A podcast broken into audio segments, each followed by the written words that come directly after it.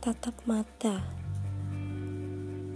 sebab tatap mata adalah satu bahasa untuk mengungkapkan cinta yang di dalamnya tidak pernah ada dusta,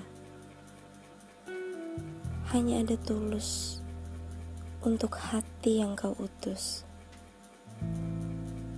Sebab tatap mata mampu mengobati luka Ketulusannya meneduhkan hati, pancarannya menenangkan jiwa. Jangan menatap mata jika di dalamnya hanya ada kebohongan.